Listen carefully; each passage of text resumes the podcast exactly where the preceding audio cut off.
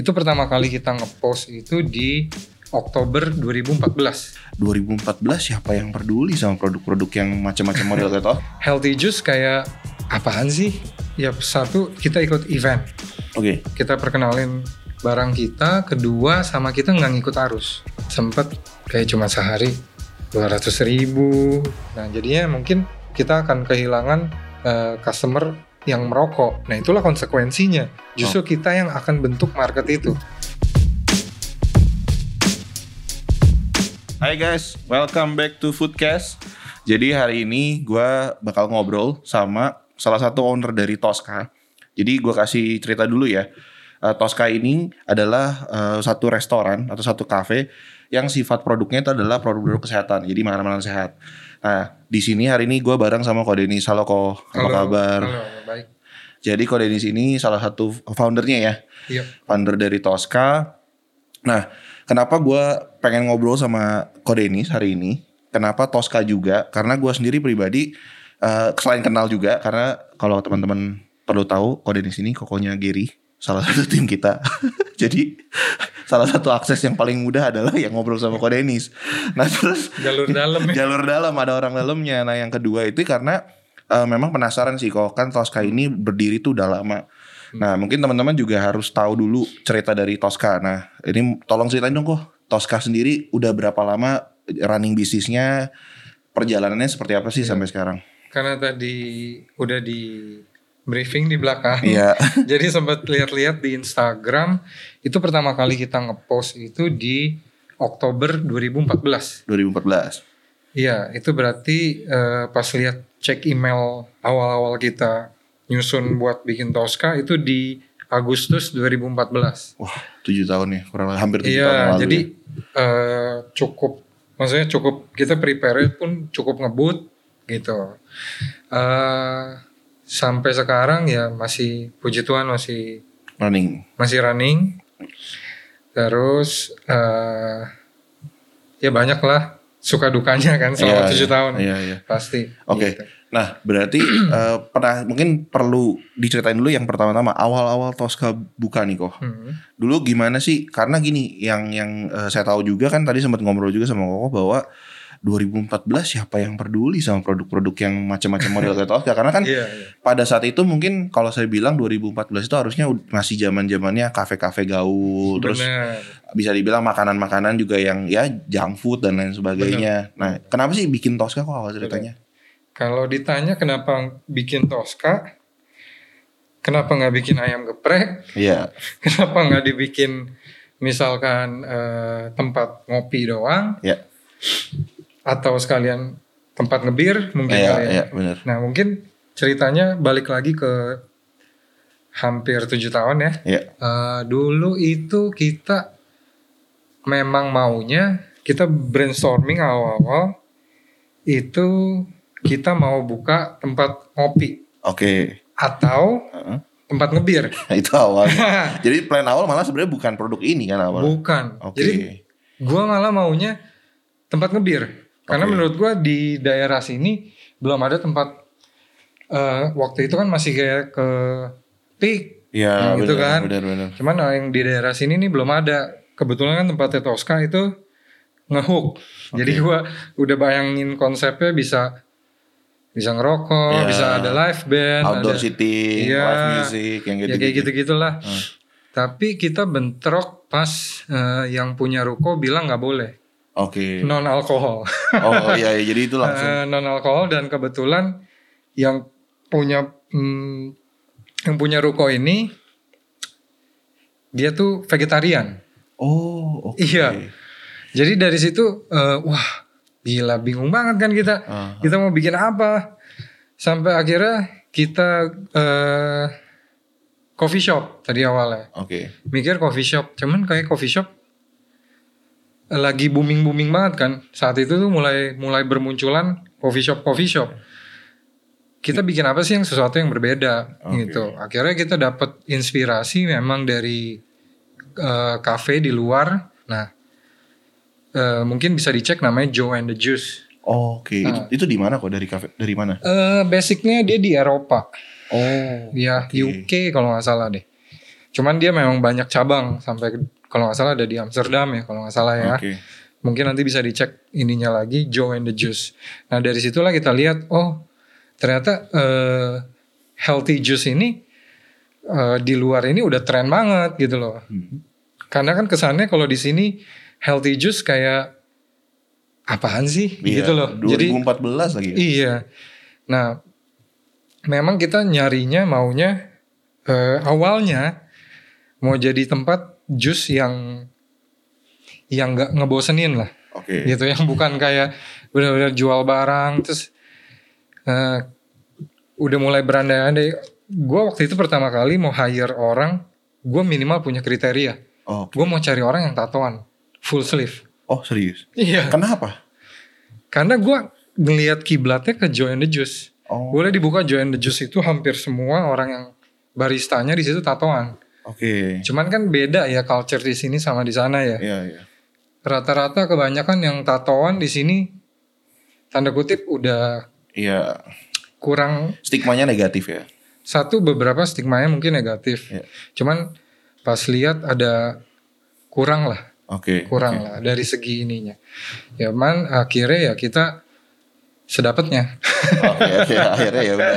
akhirnya sedapatnya aja gitu. Gitu sih Oke. mulainya. Nah, terus begitu itu akhirnya opening di 2014, 2014 Oktober ya. Oktober. Nah, itu gimana kok ceritain dong awal-awal Tosca ibaratnya ngelawan arus itu sendiri tuh Ah. gimana sih? Struggle-nya apa? Perjuangannya tuh gimana kok? Oh banyak banget.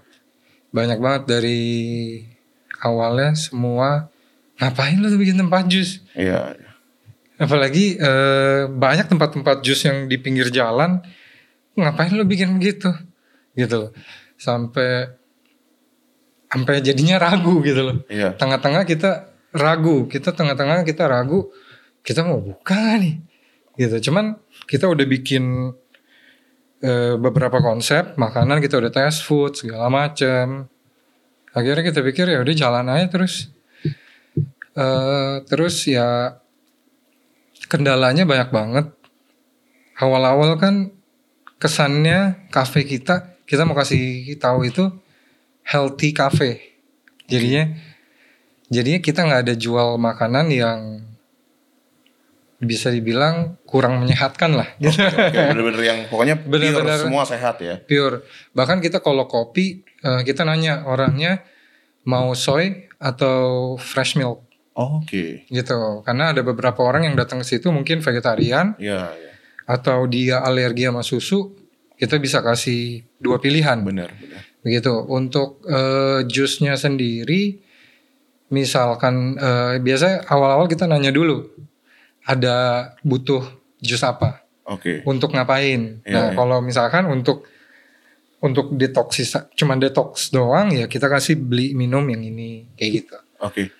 Nah, terus kan sempat begitu running Tosca, saya aw- Hmm. awal-awal tahu tuh yang soal kau bikin satu alat di mana itu jadi satu gimmick yang bisa dibilang di daerah kita tuh itu jadi perbincangan banget deh karena Oh. orang-orang juga itu itu pertama kali kayaknya sih harusnya ya. Iya. Oh ya sebagai gambaran teman-teman juga perlu tahu dulu. Jadi letaknya Tosca ini itu tuh ada di area Cengkareng, Hmm, tepatnya di perumahan Citra Garden 6. betul. Tapi ini di bisnisnya ya, di area bisnisnya ya, di di ruko-rukonya. Jadi Tosca itu adanya di situ. Dan ini masih single single own ya. Single own sama Koko dan co-founder yang lainnya ya. Iya, Berarti sama teman-teman. Sama teman-teman. Nah, kembali lagi kalau soal gimmick tadi. Nah, kan saya perhatiin tuh ada gimmick si Iya, sepeda sepeda jus, sepeda. sepeda blender kali ya ngomongnya. Sepeda blender ya kayak jus sebenarnya kita juice bike sih bilangnya. Juice ya. bike. Oke. Iya. Jadi itu nggak tahu tiba-tiba gue kepikiran untuk bikin satu yang ikonik. Terus eh kenapa nggak sepeda kan diibaratin kan sehat juga ya. Iya, benar. Terus eh sempat kepikiran bikin sepeda ada blendernya. Oke. Cuman ya itu strugglingnya itu struggling pertama gimana cara ngewujudin itu sampai gua kita bawa ke tukang las sendiri, Oke. tukang lasnya sampai bingung, Iya. terus kita sampai beli blender baru, Oke. kita bolongin, Iya, bener-bener disesuaikan kita sama kita sesuaiin sama, jadi motornya kita copot, kita ganti sama, ya biar bisa sepedanya muter, ini muter, Iya, jadi iya. kita kasih bearing segala macam. Nah itu cukup eh, menarik perhatian sih. Iya. Jadi pada saat kita pertama kali ikut event untuk bazar segala macam itu rame banget. Dan pada saat itu kita sempat diliput sama beberapa stasiun TV dan ada beberapa stasiun ada salah satu stasiun TV bahkan datang ke eh, tempat kita langsung untuk ngeliput sepeda itu sih gitu. Terus ada cerita menarik apa sih soal si blender juice pack ini kok? menariknya pada saat waktu itu kan di daerah Citranem ini kan listrik masih stab- kurang stabil ya Iya, iya. mati nyala dan waktu itu kan kita kan memang budget minim kita nggak punya genset Iya, iya. gitu. Jadi pada saat mati lampu yang lucunya pada waktu itu ada ada tiga tiga sampai empat customer lagi beli jus mati lampu. mati lampu. Nah kita udah bingung. Pada saat itu gue posisi masih ada di situ. Ah, Gue bingung gimana nih ya. Sampai akhirnya gue bilang kita tawarin aja. Mau nggak ngejus pakai si si sepeda? Ah, Ya di situ orang oh nggak bisa pak. Dia nanya dulu dong. Iya, Nggak bisa pakai kan mati lampu. iya, iya. Oh ya udah deh, sekalian coba. Akhirnya dari situ ya eh orang pada datang ke situ, "Mbak saya mau mau ngejus pakai sepeda biar masuk apa Instagram." Iya, iya, benar, gitu loh. Nah, dari situlah mulai jadi nyebar-nyebar. Ada beberapa orang dari Jakarta Selatan, Jakarta Pusat pun datang cuman buat pesen satu jus, Ah, nyobain itu. si sepeda itu. Si ya. sepeda itu. Juice bike itu. Menariknya kembali lagi kok. Mungkin saya juga mau nanya lagi. Kan akhirnya tadi kok udah cerita pada saat Hmm. eh, punya konsep awal berbisnis sebenarnya memang bukan langsung Tosca kan sebenarnya. Pada saat itu ketika memang denger nggak boleh bikin usaha pertama lo mau bikinnya kayak kafe tempat minum ya Betul. buat orang-orang bisa chill dan lain sebagainya tapi akhirnya kan sempat coba ganti lagi ke coffee shop sempat pengen bikin coffee shop kenapa akhirnya yakin waktu itu eh, rembukan sama teman-teman owner yang lainnya itu untuk oke deh kita akhirnya ngambilnya produknya produk makan makanan yang sehat aja selain karena inspirasi dari si uh, Joe Juice tadi ya kok ya Hmm. itu kenapa? Apa karena udah research? Apa karena memang dulu kok ngeliat oh ini belum ada yang main nih, jadi gue pengen jadi pionir nih yang main kayak ginian. Betul, itu salah satunya juga karena kita lihat juga eh, mungkin di Jakarta trennya beda sama di Bali. Oke, kita lihat di Bali eh, mungkin kebanyakan turis mancanegara ya. ya, Jadi kita lihat kok di sana makanan sehat laku. Nah di sini kita di Jakarta coba kita melawan arus ya, gitu loh. Yang lucunya pada saat kita bikin plan ini seminggu sebelum buka Tosca ini Hmm. Rejuve launching. Oh, oh jadi itu bersamaan ya bertepatan. Jadi hampir samaan sama si Oke. Rejuve gitu. Bener-bener beda selim seminggu dong tuh. Iya selang selang pokoknya ki- dia buka dulu, Oke, ah, tiba-tiba kita buka oke, gitu loh. oke, oke. Nah cuman kan eh eh, Rejuve perusahaan besar lah, kita Iya. kan kafe doang. Nah cuman yang berasa banget itu pada saat di bazar Oke, menu kita cuma sendirian bos. iya, iya berarti itu paling beda sendiri. iya. Iya. Tapi pas udah bazar kedua, ketiga, tiba-tiba ada. Oh, oke. itu jadi mulai mun- ya nggak tahu mungkin dapat ide dari mana juga dia bikin eh, healthy juice juga cold press gitu-gitu kan Ya. zaman-zaman waktu itu langsung pada booming tuh cold press Iya, iya. Gitu. Itu berarti memang waktu zaman Tosca tuh zaman apa ya early stage of produk-produk semacam itu berarti memang bisa sebenarnya. dibilang kayak gitu karena kita cukup struggling juga untuk eh, perkenalin produk kita ke eh, orang-orang gitu bahkan kita bener-bener sampai kadang kita bisa promo buy one get one untuk memperkenalkan ini bahwa cafe kita nih bukan cuma jual jus padahal kita jual kof- kof- kopi juga Iya. gitu Terus kayak snack-snack juga terakhir saya makan kan di situ bener-bener udah develop kayak nasi gorengnya, Betul. terus na- makanan uh, pembukanya appetizernya juga itu Betul. semua kan kebanyakan sehat-sehat. awal-awal itu belum ada semua itu Hmm. awal-awal itu makanan yang kita jual itu cuma panini Oh, Oke. Iya, jadi Panini sama lagi, balik lagi kita terinspirasi sama Joy and the Juice itu. Ya, ya. Di Joy and the Juice jual Panini gitu. Jadi eh, kita masukin Panini tuh untuk di awal dan eh, waffle kalau nggak salah ya. Ya. Waffle tapi kita base-nya semua sehat. Oke. Jadi kita pak ada beberapa bahan yang kita ganti, kita eh, masukin yang gluten free. Oke. Jadi semua makanan di sana tuh gluten free. Kecuali Panini ya. Iya. Karena Panini kita harus Iya. beli itunya. Cuman eh untuk produk-produk yang lain memang kita eh us- kayak cake segala macam itu kita udah gluten free. Oke, dan itu semua produksi sendiri atau ada vendor lagi? Eh, beberapa produksi, Oke. eh, beberapa sempat kita ambil vendor, cuman kita nggak nggak nggak gitu ini. Akhirnya kita Semua hampir semua kita produksi, sendiri. Produksi sendiri ya. Betul. Oke, nah itu kan cerita soal ketika awal-awal eh, si Tosca ini berdiri kan kok ya. Betul. Nah, Tosca ini eh, dari 2014 sampai sekarang 2021 jalan 7 tahun. Iya. Tadi Koko juga cerita pasti struggle-nya banyak kan ketika perkenalan ini. Cuma memang yang saya lihat tadi menariknya, saya juga baru ingat nih, ternyata memang benar ya 2014-an mulai ke 2016 itu bazar-bazar yang pop-up bazar itu juga Betul. baru era-eranya ya, baru mulai Iya. hits-hitsnya juga ya. Iya. Jadi memang salah satu cara Koko juga mempromosikan Iya. brand Tosca ini masuk ke bazar juga. Selain daripada itu apa sih kok yang yang dilakukan tadi kan kita udah bicara soal juice bike, salah satu gimmick yang menarik perhatian juga akhirnya. Terus kemudian kedua bazar. Hmm. Nah selain itu apa yang waktu itu Tosca coba lakukan, tim Tosca coba lakukan untuk memperkenalkan Tosca ini sendiri? Ya satu kita ikut event, Oke, kita perkenalin barang kita. Kedua sama kita nggak ngikut arus. hmm. nggak contoh maksudnya nggak ikut arus itu gimana? Nggak ngikut arus gini. eh banyak pesaing, ibaratnya bukan pesaing lah. Kita ngomong pesaing coffee shop lah. Ya. Banyak yang habis itu dari kita buka berapa lama akhirnya banyak coffee shop coffee shop. Ya, Yang contohnya coffee shop A misalkan di seberang kita nih. Tiba-tiba di coffee shop dia, oh rame nongkrong anak Harley. oke, Tapi boleh bawa makanan, minuman air putih dikasih gratis. Eh terus sama ya kita bilang kopinya nggak kita bilang enak banget juga. Cuman emang kasih dia kasih privilege itu jadi rame. oke. Cuman kita nggak ngikutin ibaratnya nggak ngikutin arus. Tiba-tiba coffee shop dia jual nasi goreng. Coffee shop dia jual bir.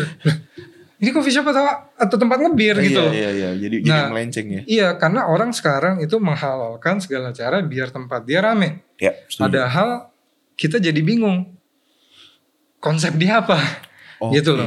Kalau kita stick sama konsep kita, Oke, berarti memang komitmen untuk Komitmen, memper- yang penting. mempertahankan si Tosca ini secara konsep itu benar-benar dijaga terus ya. betul. Jadi eh, ibaratnya kita no turning back. Gue nggak mungkin tiba-tiba gara-gara gue sepi nih, aduh gue jualan bir aja deh. Nggak bisa. Kalau lu mau jualan bir, lu tutup bos, lu buka baru. Iya, iya. Nggak ada tiba-tiba Tosca jual bir. Iya, betul. nggak mungkin nanti kita udah lihat lah beberapa uh, kompetitor kita yang akhirnya tutup uh, tempatnya gara-gara mereka nggak kuat di konsep Oke. gitu Berarti boleh disimpulkan nggak kok bahwa apa yang berhasil dari Tosca salah satunya adalah berhasil karena mempertahankan konsepnya tadi ya. konsep sama komitmen sih Komitmen komitmen. ibaratnya kita tahu kita uh, pernah rugi Oke. tapi bukan kita jadi ninggalin usaha itu Hmm, menarik. gitu jadi kalau kita punya anggapnya kita anggapnya so- so- usaha kita itu adalah baby baby kita yang kita rawat ya nggak mungkin dong baby kan pasti sakit dong Iya, iya. masa sakit gue tinggalin aja loh Iya. nggak mungkin dong kita harus sembuhin dia Oke. ibaratnya ibaratnya kalau kita bisnis kita naik kapal nih Iya. kapal kecil ke satu pulau ke satu pulau lu turun di pulau itu lu bakar kapal lu jadi lu nggak bisa balik lagi Oke. lu harus mati di situ ibaratnya gitu Oke. kalaupun nanti Tosca tutup amit amit Iya, kita ngomong iya. gitu ya berarti kita kita udah udah fight sedemikian rupa biar nggak tutup udah gitu aja Oke. gitu Berarti itu- itu benar-benar artinya partner-partner kamu pun punya pemikiran yang sama soal itu. ya untungnya seperti itu Oke, jadi memang memang sampai detik ini pun juga Hmm. teman-teman Koko sebagai uh, co-founder lainnya pun juga masih stick to the value yang Iya. mau dicapai Tosca dari awal kan sebenarnya. Oke oke. Nah terus tadi kamu ngomong soal usaha itu kan kayak Hmm. membesarkan baby, terus akhirnya kalau babynya sakit ya kan nggak mungkin ditinggalin. Nah cerita sakitnya Tosca sendiri ada nggak sih kok yang bisa diceritain ke teman-teman? Yang bisa jadi pelajaran juga Ada. buat teman-teman. ada sih cerita sakitnya Tosca bahkan kalau diingat-ingat ya pasti banyak banget ya pasti banyak banget sempet kayak cuma sehari 200 ribu Pernah sampai pernah segitu? ya? Pernah lihat di CCTV sepi banget Iya. iya. pas lewat depannya kosong banget gitu ya. Cuman kita ya kita balik lagi ya kita kita ya kita kan punya Tuhan ya kita berdoa lah. Iya. Cuman eh, balik lagi kalau doa tanpa usaha ya pasti kita nggak mungkin Iya. bisa juga. Benar-benar. Waktu itu sempet kita mikir, oh kita samperin anak, eh samperin IF, IF ada ini gimana caranya yang bawa kartu IF diskon. Oke. Kita citra kasih Iya. kayak gitu, bawa kartu citra kasih atau kartu pelajar diskon Iya. kayak gitu-gitu. Terus sempet juga sempet juga eh sempet kemarin itu kita eh ini apa ya? Ada promo misalkan kalau gua ingat-ingat apa ya? Misalnya buy one get one Oke. misalkan lu ulang tahun Hmm. kayak gitu-gitu banyak lah kita ngelakuin promo-promo itu sampai satu titik itu bener-bener gak ngefek Oke. karena sekolah citra kasih Iya, akhirnya tutup. Tutup. Tutup, pindah. itu jadi otomatis sepi banget Iya. karena kan pada saat itu balik lagi kan belum ada pengenalan orang tentang healthy juice Iya. makanan sehat gitu-gitu kan jadinya drop gitu ya cuman kita yakin kita bisa lewatin ya kita lewatin gitu Oke, berarti memang kalau kalau apa yang saya ingat sih bener kalau kartu pelajar tuh waktu itu kartu mahasiswa kalau nggak salah sempat juga berlaku ya. Karena saya juga pernah pakai kan. Hmm. Akhirnya pakai kartu mahasiswa akhirnya ada promo. Jadi memang eh, bisa dibilang nggak gampang sih. Pasti produk-produk semacam ini kan sebenarnya nggak gampang. Nah, begitu akhirnya itu bisa dilewati kok. Apa yang berubah sebenarnya dari dari persepsi konsumen pada saat 2014 Mhm. sama konsumen belakangan ini kan apalagi sejak pandemi juga ya. Hmm. Itu gimana sih kok sebenarnya perubahannya terhadap Tosca sendiri dampaknya?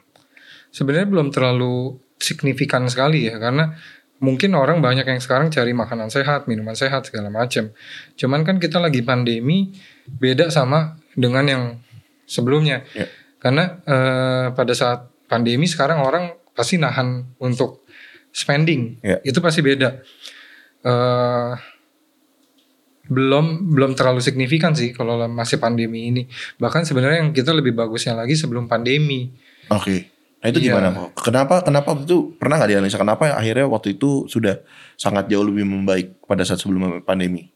balik lagi kita eh, ibaratnya kita udah jalan berapa tahun Hmm. kafe kita awalnya cuma gitu-gitu doang kita renovasi Oke. di situlah orang jadi ngelihat satu eh, muka Tosca yang baru akhirnya jadi rame sih di situ Oke, berarti Iya. dampak dampak dari renovasi itu bisa jadi sebesar itu ya? bisa sama kita develop menu baru Oke. yang kayak kita mie jamur shiitake itu Heeh. kan ada tuh yang ramennya Iya, terus sama yang nasi goreng Ya shirataki rice sama shirataki Iya, noodle ya. Iya betul. Jadinya orang jadi eh, soalnya dari dulu orang pada banyak bilang makanannya dong. Soalnya kan kalau Iya. nongkrong nggak ada makanan, maksudnya makanan berat ya. Iya, iya. Dia juga masa bingung gitu loh habis makan di luar baru ke sini gitu. Benar, benar. Pengennya sekalian gitu.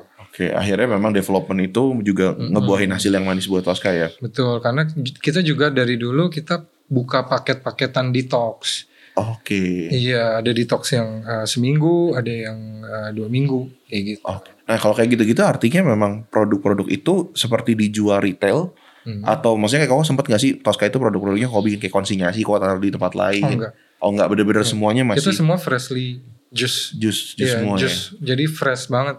Walaupun kita misalkan nih eh, kita ada orang pesan paket detox. Hmm.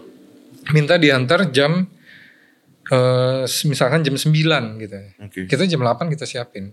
Oh, Jadi kita bukan yang besoknya kita siapin hari ini baru diantar. Jadi Oke. benar-benar kita fresh. Gitu. Oke. Kok terus pencapaian Tosca so far tadi kan sempat ngobrol soal eh, masuk ke event ya. Hmm. So far pencapaian selama masuk ke event itu apa kok? Kita tuh pengen masuk ke event waktu itu bright spot. Oke. Karena ibaratnya di dunia bazar itu kayak top of the marketnya kan. Iya, iya. Jadi kita pengen banget dapat peluang kita buat masuk bright spot. sempat kita eh, ajuin ternyata kita ditolak Oke. gitu cuman pas kedua kali ya kalau nggak salah ya kita ajuin kita dapat eh, ini lagi dia bilang mau buka kita bikinin 3D jadi pertamanya tuh biar kita bisa masuk ke Bright Spot kita harus desain dulu booth kita seperti apa semenarik mungkin. Oke. baru kita eh, submit ke dia. Menu yang kita mau masukin apa aja Oke. gitu Bahkan sampai menu semua mereka harus coba. mesti tahu iya mesti mesti cobain dulu Oke. kemarin itu sih sempat kita kirim makanan ke sana Oke. gitu dan eh, puji Tuhan diterima Oke. nah di situ benar-benar wah seneng banget kan Iya. kita dapat eh, kesempatan dengan Tosca yang bisa dibilang eh, cafe komplek gitu ya Iya, iya. Nah, masuk ke bright spot gitu yang ngelihat semua tenan-tenan yang luar biasa juga gitu tempatnya juga waktu itu kalau nggak salah di gedung apa ya lupa terakhir itu Di 2000 berapa tuh? Masuk Bracebrook? di 2000 2000 berapa ya lupa 2019 ya kalau nggak salah ya Seperti 2019. iya Oke. Nah terus kalau kembali lagi bahas sedikit soal pandemi deh kok. Hmm. Soal pandemi itu kan ya kita semua tahu lah kalau semua bisnis kan tadi kok juga cerita ya semua bisnis juga struggle Ya. gitu. Artinya kan eh, mungkin secara dampak menurut koko tadi tidak langsung semerta-merta bikin bisnis juga langsung naik salesnya gitu. Iya. Ternyata juga berdampak juga. Terus gimana cara pivotnya? Maksudnya gimana cara nanggepin kondisi yang seperti ini? Karena kan eh, kebijakan pemerintah dengan tadi bisa berubah, kita kan juga harus adjust lagi, gitu kan. Tosca kan juga pasti ikutin juga dan lain sebagainya. Nah, itu gimana, Wo? Eh kita nanggepinnya sih balik lagi ya komitmen sih. Oke, Jadi kalau memang kita sudah eh, bikin satu konsep yang kita sudah percaya itu akan jalan, kita harus komit dengan segala eh, iba eh, segala ibaratnya eh, bad or goodnya. Jadi kita harus jalanin aja sih sebenarnya. Oh. Yang penting sih dari segala usaha ya, mau usaha apa pun, Ya. lu mau jualan bami, lu mau jualan apa, yang penting komitmen. Oke. Gitu di saat lu udah nggak punya komitmen di satu bisnis lu, ya itu nggak bakal jalan gitu sih. oke. Terus kalau buat teman-teman nih, eh, pesan-pesan atau mungkin yang ke- bisa koko bagiin ke teman-teman yang memang mungkin mau ambil jalur serupa nih sama Tosca, Hmm. artinya jualan healthy juice, terus Hmm. kemudian eh, produk-produk makanan sehat itu kira-kira dari pengalaman yang udah dilewatin apa aja sih yang bisa diperhatiin sama mereka? Ya gue cuman bisa sharing sedikit aja ya, Ya, karena ya. menurut gue ya anak-anak sekarang lebih kreatif lagi daripada kita gitu ya, Ya. Eh, daripada gua gitu kan kan kalian-kalian bisa lebih muda harusnya lebih kreatif lagi. Mungkin ya eh, kuatin di konsep. Oke, pertama kuatin di konsep. Kedua eh, komitmennya di sama misalkan joinan nih sama teman-teman di komitmen di awal. Kita mau gimana nih? Worst case-nya misalkan ini begini kalian mau gimana? Oke, kita jangan mikir di awalnya have fun dulu gitu loh. Ah bikin dulu aja. Ntar itu urusan belakang lah nggak bisa bos. Oke. lu mesti ngomongin dulu di awal. Oke. kalau lu nggak jelas di awal mendingan jangan. Oke. gitu. Ini bicara soal apa sih kok? Misalnya kayak leg- legalitasnya kah? Atau bicara soal masalah siapa yang running apa dan lain Eh, sebagainya? itu di job desk lah. Oke, ibaratnya di penanganan masalah sih sebenarnya. Oke, kalau misalkan nih kita rugi. Oke, tiga bulan. Ya, gimana kalian? Gitu loh. Oke, lebih ah udah mungkin ada yang ah udahlah tutup aja. Hmm, wah kita harus gimana nih? Pra- eh, ada yang problem solver gitu. Ya. oh kita harus gimana nih? Kita mesti meeting nih. Kita harus eh, ngapain lagi nih? Sebenarnya itu ketemu dulu kan nih jalannya. Oke. misalkan gue nih problem solver. Ya. nah eh, lu sendiri tipenya ah ya udahlah tutup aja deh. Oke, gitu loh. Nah di sini kita udah nggak ketemu di awal, pas pembahasan di awal. Gimana nanti kita di depan kita udah keluarin uang, masa baru jalan setahun belum balik modal, udah ditutup kan nggak nggak nggak nggak nggak nggak enak aja gitu ya Iya. ngelihat bisnis kayak gitu. Jadi mesti di ngomongin di awal. Jadi eh, yang terburuknya sama yang terbaiknya Oke. gitu loh. Oke. Berarti itu itu yang mau dibagiin ke teman-teman yang baru mau coba usaha Iya. ya. Kalau dari sisi secara produk atau marketnya sendiri menurut kau ini masih produk yang sangat relevan atau yang maksudnya masih bisa jadi peluang yang besar nggak sih buat Masih teman-teman? banget. Masih banget. ya? Masih banget. Masih banget. Sedangkan eh, kafe yang kayak kita itu masih bisa dibilang sedikit lah. Ya nggak sih? Yang- lebih lebih nggak common lah gitu. Oke, oke. Jadi cuman eh, beberapa kayak beberapa coffee shop mungkin udah ada nyelipin menu smoothie bowl gitu-gitu sih. Oke. Gitu. Temen nggak ada yang kayak kita benar-benar eh, fokus di benar-benar di healthy food gitu. Oke. Nah terus kalau bicara plan nextnya buat Tosca apa? Plan nextnya mungkin eh, franchise Oke. bisa atau kita dari dulu punya impian pengen buka di daerah selatan atau di pusat sih sebenarnya. Kenapa? Kenapa? Karena kita sudah lama di barat ya. sudah lama di barat dan di Oke. komplek doang. Eh, Jadi kita punya cita-cita tuh pengen buka tuh kayak di selatan, di pusat Oke. gitu. Either itu di mall atau di di ya di di satu spot yang Hmm.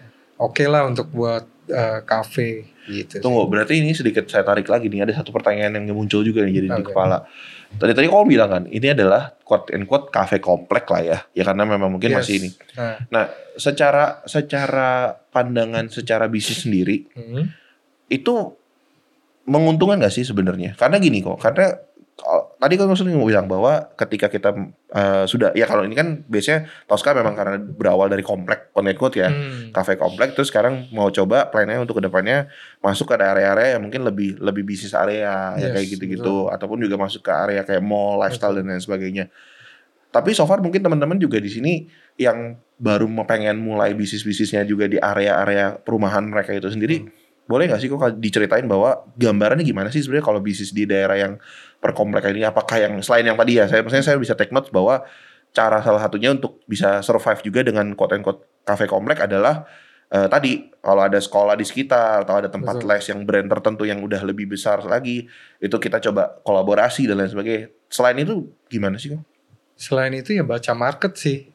Oke. Orang di sekitar komplek ini lebih sukanya apa. Cuman emang kan kemarin kita agak gila ya. Iya, kita iya. bikin satu konsep yang benar-benar eh, apaan sih ini Tosca gitu loh sampai orang masuk ini jual apa sih gitu loh Oke, mengalami itu juga ya sampai orang Ngalamin, orang benar-benar ngalamin. nggak tahu ya. ngalamin bahkan sampai ngalamin eh banyak macam apa konsumen tuh yang datang boleh bawa makanan nggak kan kamu nggak jual makanan Ah, Eh, itu gimana? oke bawa makanan apa Ah, nggak tahu nanti supir saya bawa. Oke pas datang martabak. Pesen minum teh. Teh kita kan waktu itu di jar gitu ya. Iya, iya. minta gelasnya empat. Oh, karena free refill. Iya, iya.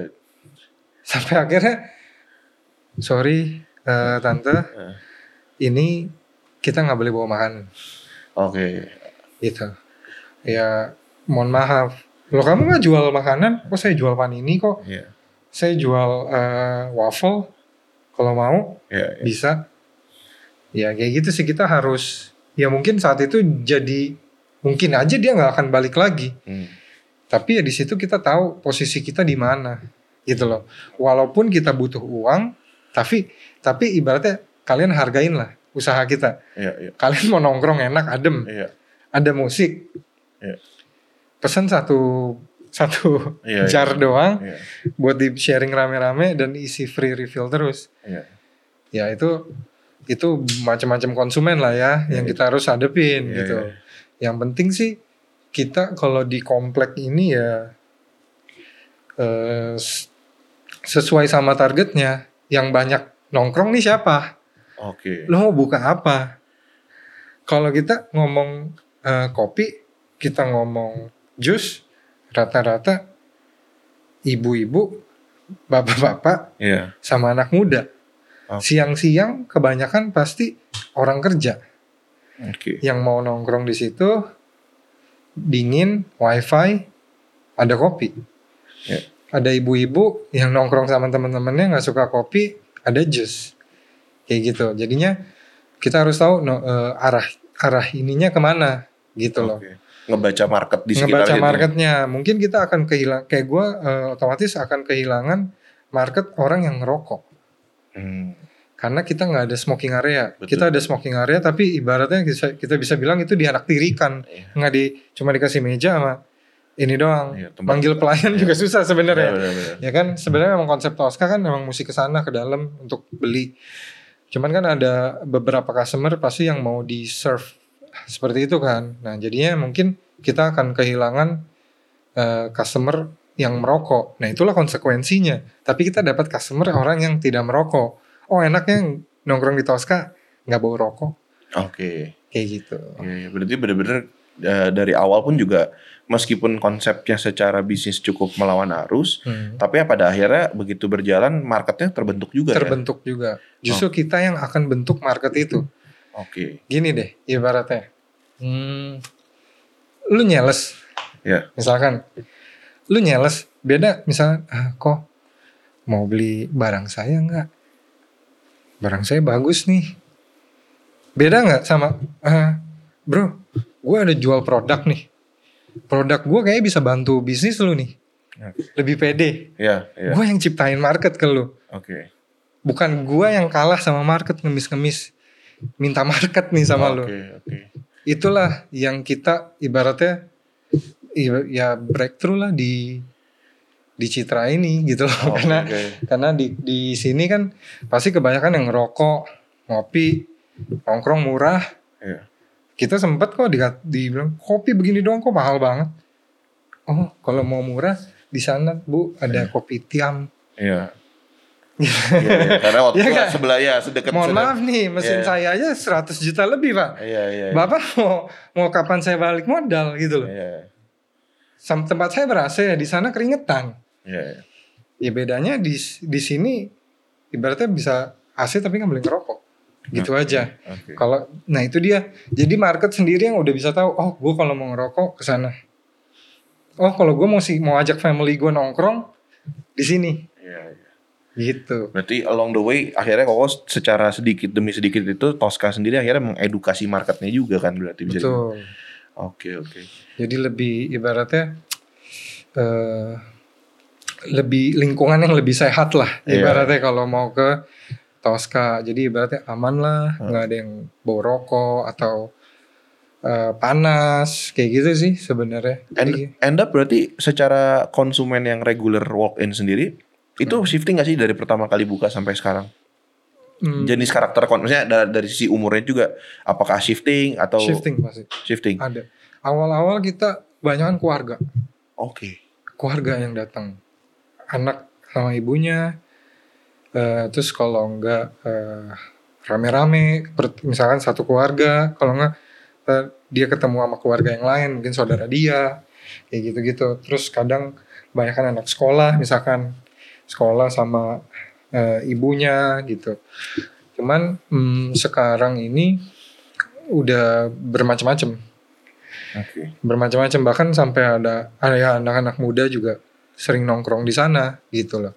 Eh, awalnya malah kita bahkan punya customer reguler yang sampai bisa tahu ya biasa ya Iya. kayak gitu loh itu yang kayak bapak-bapak Oke. kayak gitu jadi memang eh, ber kayak untungnya kafe kita ngejangkau semuanya sih untungnya. Oke, berarti sebenarnya plusnya dari produk dengan konsep seperti ini tuh bisa ngejangkau market yang lebih luas ya sebenarnya. betul.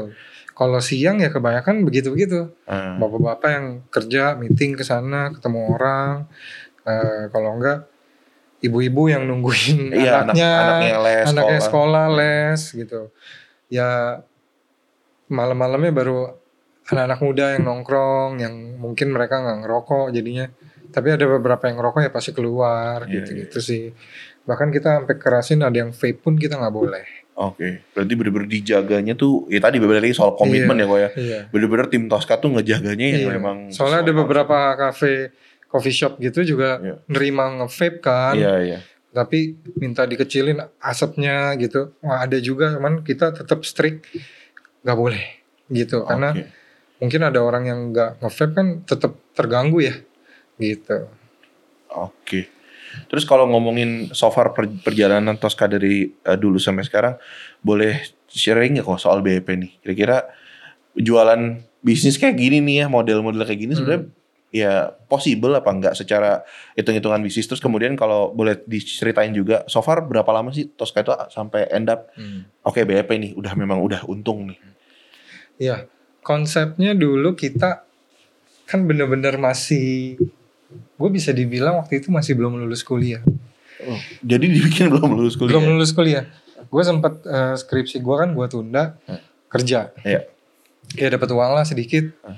akhirnya eh, bikinlah si Tosca Oke. dengan pemikiran kita nggak mikirin kapan BP yang penting gue mau usaha Oke. Iya. Ini berarti bener-bener gak dihitung dulu dari awal mau kapan. Maksudnya ditargetinnya pun Oh ada, Oh, oke. ada. Tapi eh, kita nggak jadi eh, nggak muluk gitu loh, Oke, oke. nggak muluk. Yang penting bisnis ini kita jalan.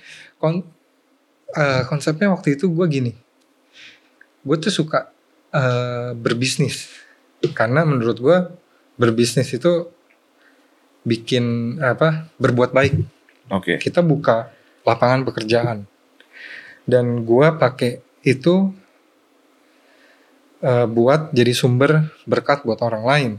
Jadinya kalau gue kasih berkat ke orang, masa Tuhan nggak kasih berkat ke gue? Oke. Mikirnya gitu aja.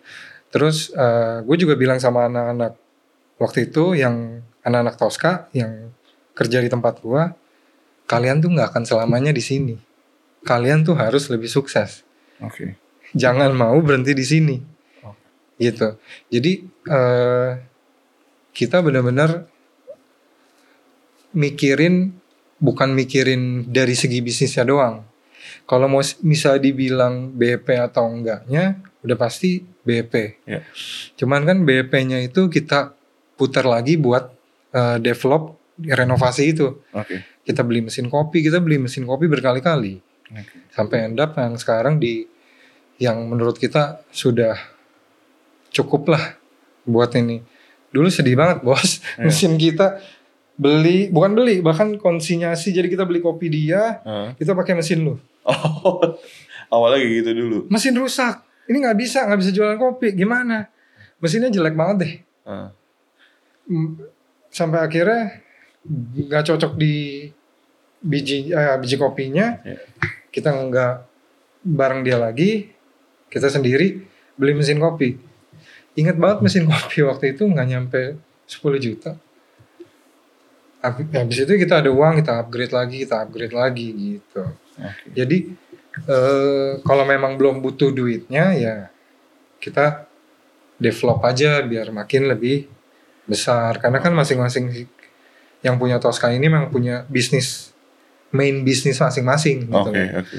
Jadi eh, Tosca ini ibaratnya hmm, bisa dibilang kayak satu pencapaian kita yang di awal anak-anak muda ini mau punya bisnis. Oke, gitu sih oke, sebenarnya. Gitu aja sih. Berarti so far berapa lama tadi? Kok boleh tahu BP di Tosca itu sendiri? Eh, tiga tahun kali tiga tahun empat tahun lah ya. Oke, Iya, so far kurang lebih di segitu. kurang lebih seperti itu. Oke, oke, oke. Berarti saya singku, saya simpulin dulu ya tadi benar-benar banyak kita belajar banyak soal tadi eh, bikin bisnis itu ya berarti harus punya konsep yang matang, betul terus harus bisa komit juga sama konsepnya. betul Selain itu juga komit sama sesama tim yang ada di dalam Betul. apa yang terjadi. Baru terakhir bicara soal market pun sebenarnya market itu bisa terbentuk dengan eh, hasil dari komitmen terhadap konsep yang udah dibikin betul banget. gitu. Jadi semuanya itu possible sebenarnya kan. semuanya possible Oke oke. Dan nextnya tadi uh, pengennya coba masuk ke uh, area yang lain ya. Hmm, Dan teman-teman juga berarti nggak perlu takut lah ya. Maksudnya memulai bisnis mungkin dengan produk yang serupa ataupun Iya. mungkin sekarang kan online ya kok ya. Rata-rata udah online. Itu nggak nggak jadi faktor penentu satu-satunya bahwa ya harus bikin kayak Tosca dulu baru bisa untung. Kan ibaratnya gitu kan ya. iya Oke oke. Ya udah. Thank you ya kok hari ini Iya, waktunya. Eh, teman-teman jadi jangan lupa bisa dengerin eh, kita terus di Spotify sama di YouTube. Jadi kalau di Spotify itu teman-teman bisa keywordnya adalah Foodcast by Three Senses dan juga teman-teman di YouTube bisa cari kita di Three Senses. Jadi itu aja. eh, kita tunggu tunggu kita di episode episode berikutnya. Terima kasih teman-teman. Bye bye.